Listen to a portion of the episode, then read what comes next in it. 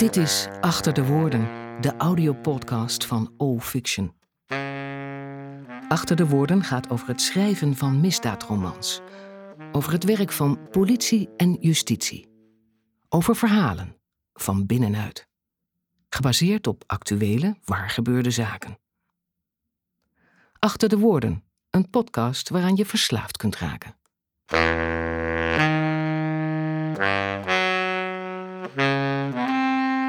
Ieder kwartaal publiceert Achter de Woorden een nieuw fragment uit de reeks Severijn en Govaert of een kort verhaal als voorstudie voor deze misdaadromans.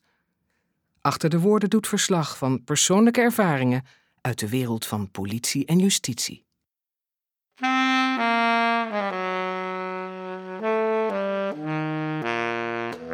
Ben je geïnteresseerd in het dagelijks werk van de afdeling zware criminaliteit van de recherche?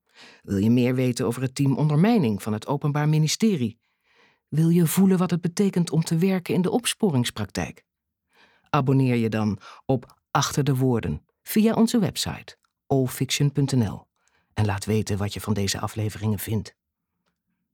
Zoek je contact? Heb je vragen, opmerkingen of suggesties? Kijk op allfiction.nl.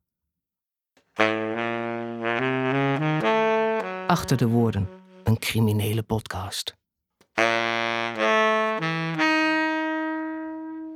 Mijn naam is Maud Koppers. Je luistert naar aflevering 4 van oktober 2019. Zometeen hoor je De Aanslag, een fragment uit Dood in Opdracht, het tweede deel van Severijn en Govaert. Nu eerst een persoonlijke ervaring van de schrijver, Erik Oosthoek. Veiligheid voorop, vesten verplicht. Achter de schermen bij de recherche. Donderdag 19 april 2018. Veiligheid voorop, vesten verplicht. Twee gewapende overvallen in een maand tijd. Een kleine supermarkt in een middelgroot dorp in het zuiden van het land. Anderhalve kilometer van de grens met België. Eerste keer een fors geldbedrag. Vele duizenden euro's. Camerabeelden tonen twee daders, dan nog verdachten. Met vrijwel identieke kleding. Grijze hoodie, zwart jack, zwarte spijkerbroek, zwarte gimpen, bewapend met een fors keukenmes en een honkbalknuppel. Twee weken later is het weer raak, zelfde dag en tijd, donderdag 19.50 uur, 10 minuten voor sluitingstijd. Nu heeft een van hen een zwarte hoodie, grijs jack, zwarte spijkerbroek en witte gimpen met lichte, naar het schijnt, nieuwe zolen. Hij draagt een zwarte broekriem met een opvallende zilverkleurige gesp, de H van Hermes. De zwarte hoodie dreigt met een vuurwapen, zijn maat zwaait met het keukenmes. Weer een behoorlijke buit, ruim 1200 euro ditmaal. Winkelpersoneel en klanten raken opnieuw in de stress, vragen om extra beveiliging. Het wachten is op de derde keer. High impact crime. Overvallen, straatroven, moord en doodslag hebben veel impact op de omgeving en de slachtoffers. Dit soort delicten is een eerste prioriteit van de districtsrecherche. Het HIC-team besluit de komende twee weken op drie opeenvolgende avonden te gaan posten: woensdag, donderdag en vrijdag. De eerste donderdag mag ik mee. Bij de briefing zie ik voor het eerst hoe het team is samengesteld. Twaalf rechercheurs in Burger, acht mannen, vier vrouwen, van jong tot oud. Vooral de vrouwen ogen uiteenlopend. Van jonge studenten met paardenstaart tot fotomodel met lang haar en opvallend veel make-up. Allen dragen hun dienstwapen in een verdekt holster, verborgen onder de kleding. Tien collega's zullen in tweetallen in auto's opereren, twee gaan te voet. Het team is doodstil en luistert met volle aandacht naar de vrouwelijke coördinator. Ze loopt tegen de dertig en draagt een zwart t-shirt met daarop in grote witte letters het woord boef. Nomen Neskio, naam onbekend. Op twee grote schermen verschijnt een overzicht van de recente gebeurtenissen, situatieschetsen, beelden van beveiligingscamera's, getuigenverklaringen, signalementen. Gezocht worden NN1. Licht getinte huid, 1,75 meter, 20 tot 25 jaar. NN2. Licht getinte huid, 1,70 meter, 18 tot 22 jaar. NN1 rijdt in een oudere Audi A4, Belgische nummerplaat, kenteken onbekend. Wanneer deze auto tijdens de observatieactie gezien wordt, geldt staande houden, inzittende aanhouden, voertuig nergens aanraken en vierkant takelen. Dat laatste betekent de auto afvoeren voor technisch onderzoek zonder die op welke manier dan ook te openen. Veiligheid voorop, vesten verplicht. De ploeg gaat posten op vijf verschillende locaties. Het lopende koppel samen met een van de auto's op de parkeerplaats met direct zicht op de supermarkt. De andere vier auto's in een buitenring op de mogelijke vluchtwegen. Bij de grensovergang naar België staat een volgteam van de Vlaamse collega's paraat. De zes koppels krijgen een portofoonkanaal toegewezen met ieder een eigen oproepnummer. Ik rijd mee met een van de auto's, de 3010 van de coördinator. Ik trek een steekvest aan dat messteken en 9 mm kogels moet tegenhouden. De laatste alleen als ze van iets verder weg worden afgevuurd. Harde vesten met kunststofplaten houden 9 mm ook van dichtbij tegen, maar daarvan heeft het team er maar twee beschikbaar. 3010 ter plekke. Eenmaal op locatie links van de weg, net buiten de dorpskern, neus in de vluchtrichting naar de Belgische grens, roept de coördinator ieder koppel op en checkt voor de laatste maal hun positie. Dan volgt het lange wachten. Rijden en coördineren tegelijk. Boef is voor een jaar gedetacheerd bij het HIC-team. De vrouwelijke hoofdagent is lid van het basisteam in een van de omliggende gemeentes en vanwege het capaciteitstekort in de grote stad uitgeleend aan de recherche aldaar. Ze is opgeleid aan de politieschool in Eindhoven, werkt sinds 2010 bij Blauw en hoopt dat de uitleen haar benoeming tot rechercheur dichterbij zal brengen. Als coördinator bedient ze twee mobiele politietelefoons en een portofoon. Daarnaast luistert ze permanent een tweede porto af, waarop zachtjes het normale radioverkeer uit de regionale meldkamer te volgen is. Wanneer er ergens in de buurt iets heftigs gebeurt, zal ons team zo kunnen aanschuiven. Normaal heeft ze bij dit soort acties een collega die chauffeert. Helaas was er niemand beschikbaar.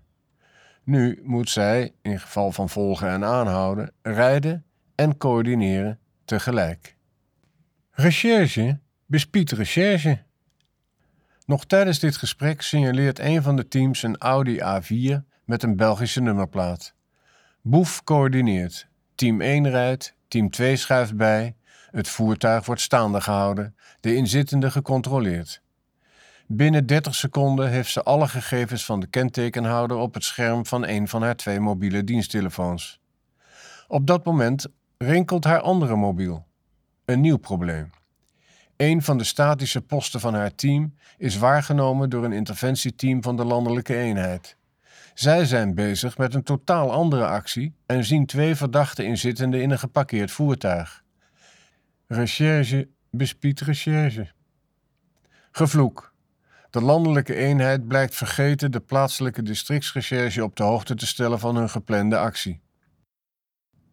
Het incident doet me denken aan drugscrimineel Gwenet Girigori Marta, de man zonder schaduw. Hij wordt op 22 mei 2014 doodgeschoten door drie mannen met AK-47's en bivakmutsen op. Zeker tien kogels doorzeven hem van top tot teen op de stoep van de shawarma-zaak Roos op de Amsterdamse weg in Amstelveen. Gwen de Ongrijpbare was zo scherp dat zelfs doorgewinterde rechercheurs geen greep op hem kregen. Tijdens een onderzoek naar zijn criminele activiteiten plaatst een observatieteam een pijlbaker onder zijn auto. Gwen ontdekt dat en bedenkt een tegenzet. Hij plakt de zender onder een van de auto's van het volgteam. Verwarring alom. Terwijl het ene observatieteam achter het andere aanjaagt, ontkomt Marta. Wat later verlaat de voormalige jeugdspeler van Ajax een blokkenvestiging in een winkelcentrum in Amsterdam Zuid. Tot hun verbijstering zwaait hij vriendelijk naar de leden van het observatieteam, pakt een blauw magnetisch zwaailicht uit zijn bolide, kleeft het op zijn dak en geeft vol gas richting A10. Het observatieteam durft dat soort snelheden in de stad niet aan en kan hem niet bijhouden. Om half negen, een uur na sluitingstijd, wordt de actie afgeblazen. Behalve de aanhouding van de Belgische Audi A4 heeft de operatie niets opgeleverd.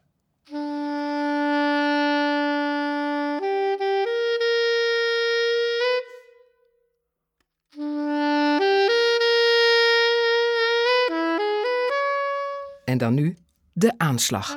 Een fragment uit Dood in opdracht. Soms is fictie nodig om de waarheid aannemelijk te maken. Francis Bacon. Die donderdagavond moest het gebeuren. Anouar zat onderuit op de achterbank van een zwarte BMW 325i, weggedoken in de donkere hoek bij het linkerportier. Had hij ooit gelezen in een artikel over de routine van observatieteams. Voorbijgangers letten altijd op de voorbank van geparkeerde auto's, nooit op de achterbank. De targets hadden bij een winkelcentrum in Weesp Noord geparkeerd, waren uitgestapt en overgestoken naar een flatgebouw aan de andere kant. Kadim had het team een week de tijd gegeven en het volle bedrag betaald: 20 ruggen voor hem alleen.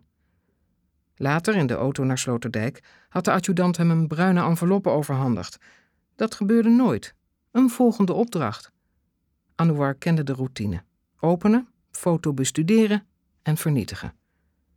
Alle details zouden in het gebruikelijke codebericht binnenkomen, direct uit Tanger. Hij glimlachte voor zich uit. Bij iedere klus kwam zijn droom dichterbij. Terug naar de plaats waar de zon ondergaat. Samen met zijn moeder en drie zusjes terug naar Saïdja, naar een witte villa aan zee, niet ver van het graf van zijn vader in Berkane. Hij was nu het hoofd van het gezin.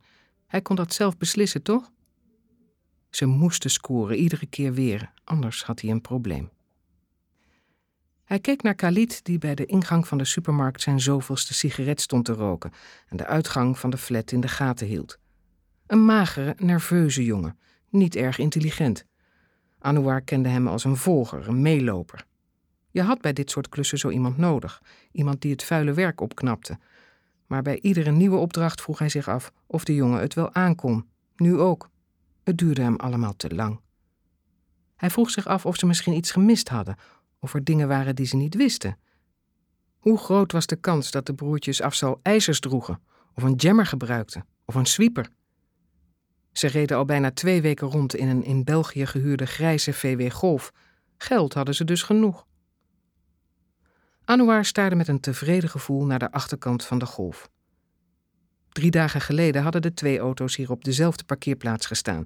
Ook die keer waren de twee broers op bezoek geweest bij familie in het flatgebouw.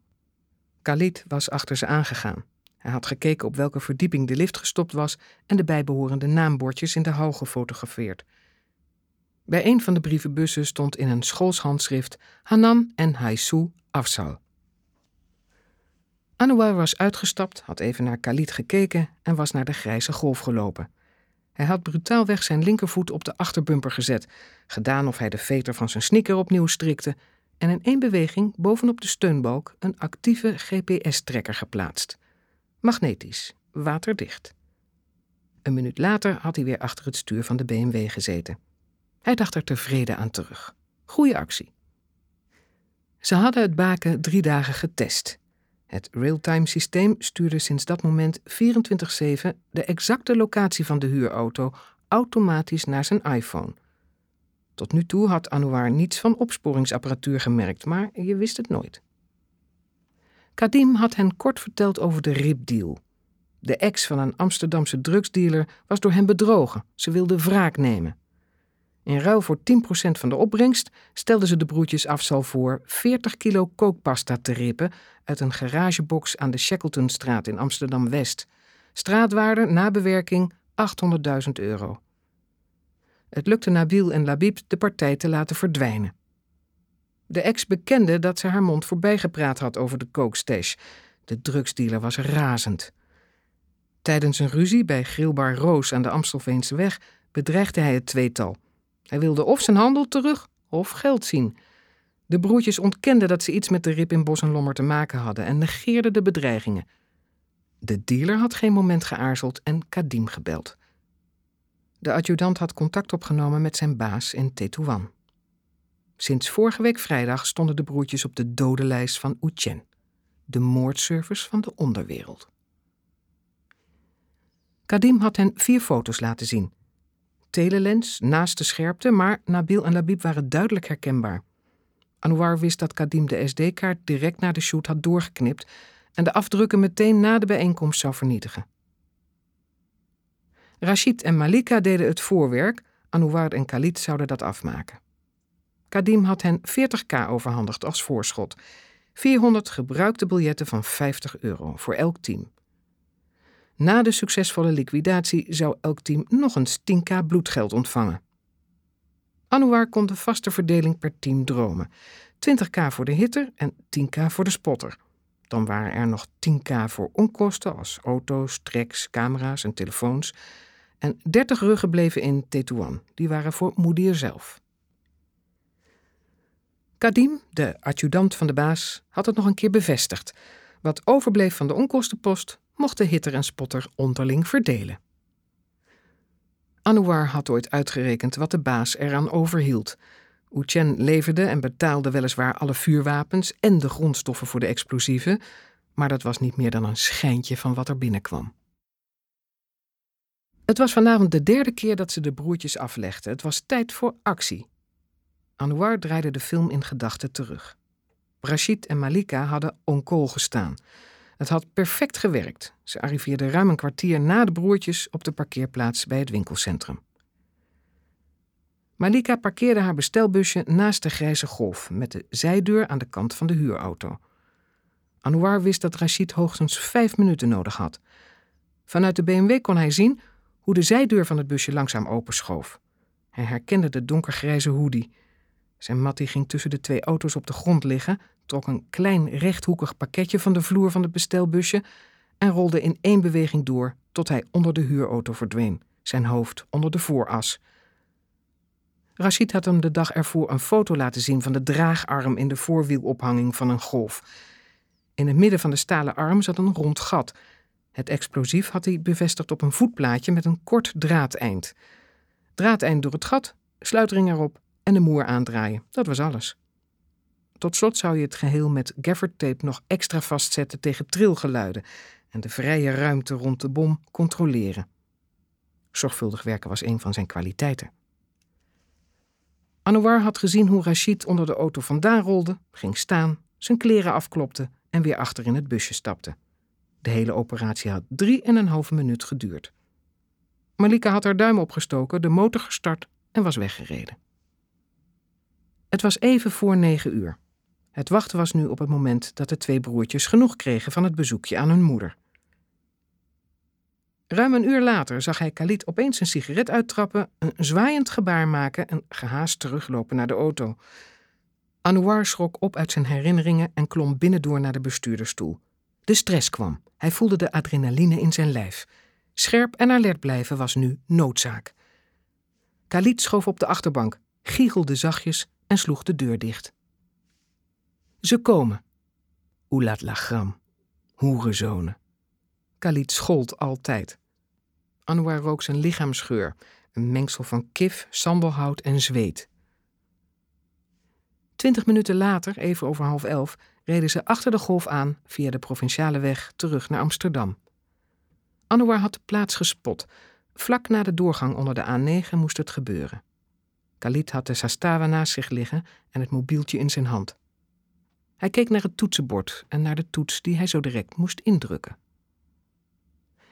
Rashid had hem uitgelegd hoe het werkte, twee dagen geleden in het keukentje van het safehouse aan de Van Hogendorpstraat.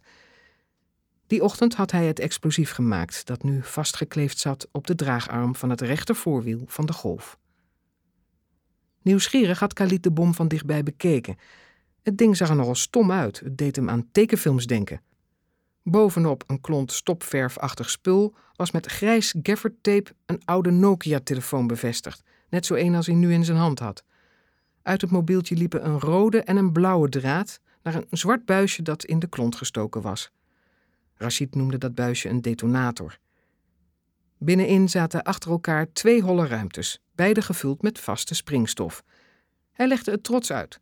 Wanneer je de Nokia belt, ontsteekt het elektrische stroompje dat normaal de beltoon doet horen, het eerste deel van de detonator.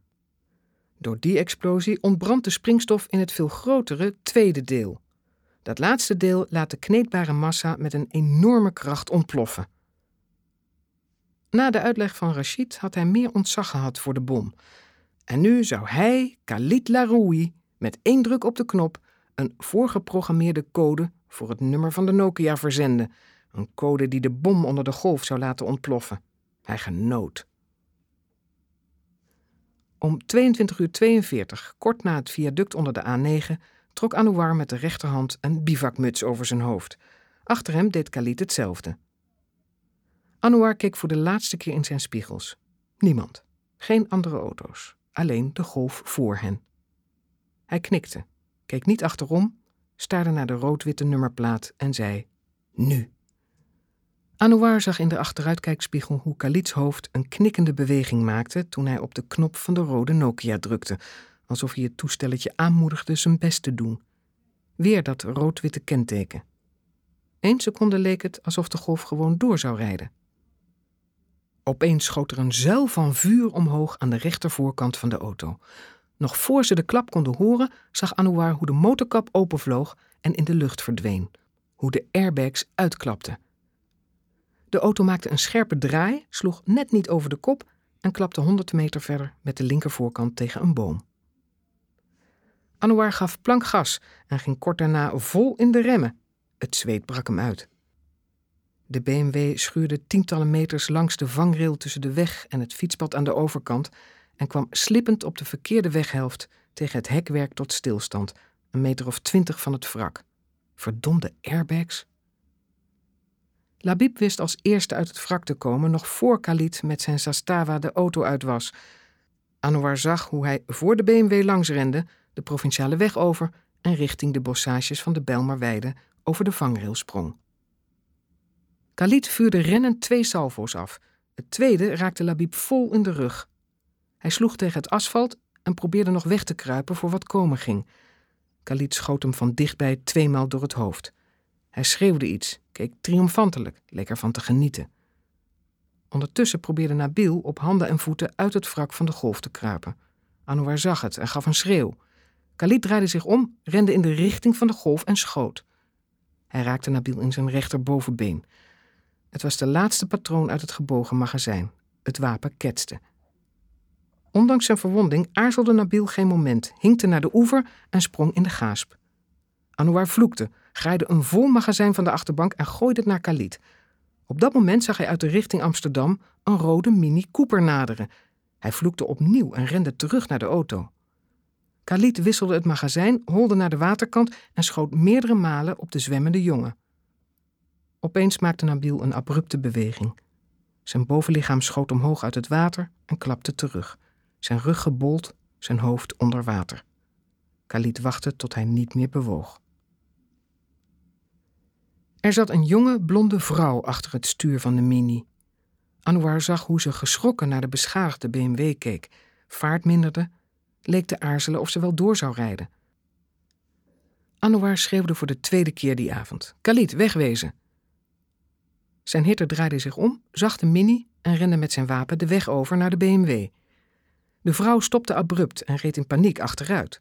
Maar Anouar gaf vol gas en reed haar klem tegen de vangrail tussen de weg en het fietspad. De vrouw gilde. Hij zag haar wegduiken op de vloer van de auto. Anouar vloekte opnieuw, sloeg hard op het stuurwiel. Hij keek achterom, zag hoe Khalid naar de mini rende, met twee gerichte schoten de voorbanden van de auto aan flarden schoot en voelde hoe hij achterin de BMW sprong. Nog voor hij helemaal binnen was, scheurde Anouar met gierende banden richting Amsterdam.